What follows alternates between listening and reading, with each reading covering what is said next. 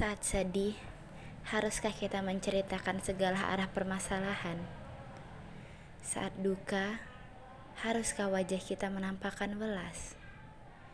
Bisakah kita tetap biasa saja, meskipun pundak sudah hampir rubuh dalam memapah?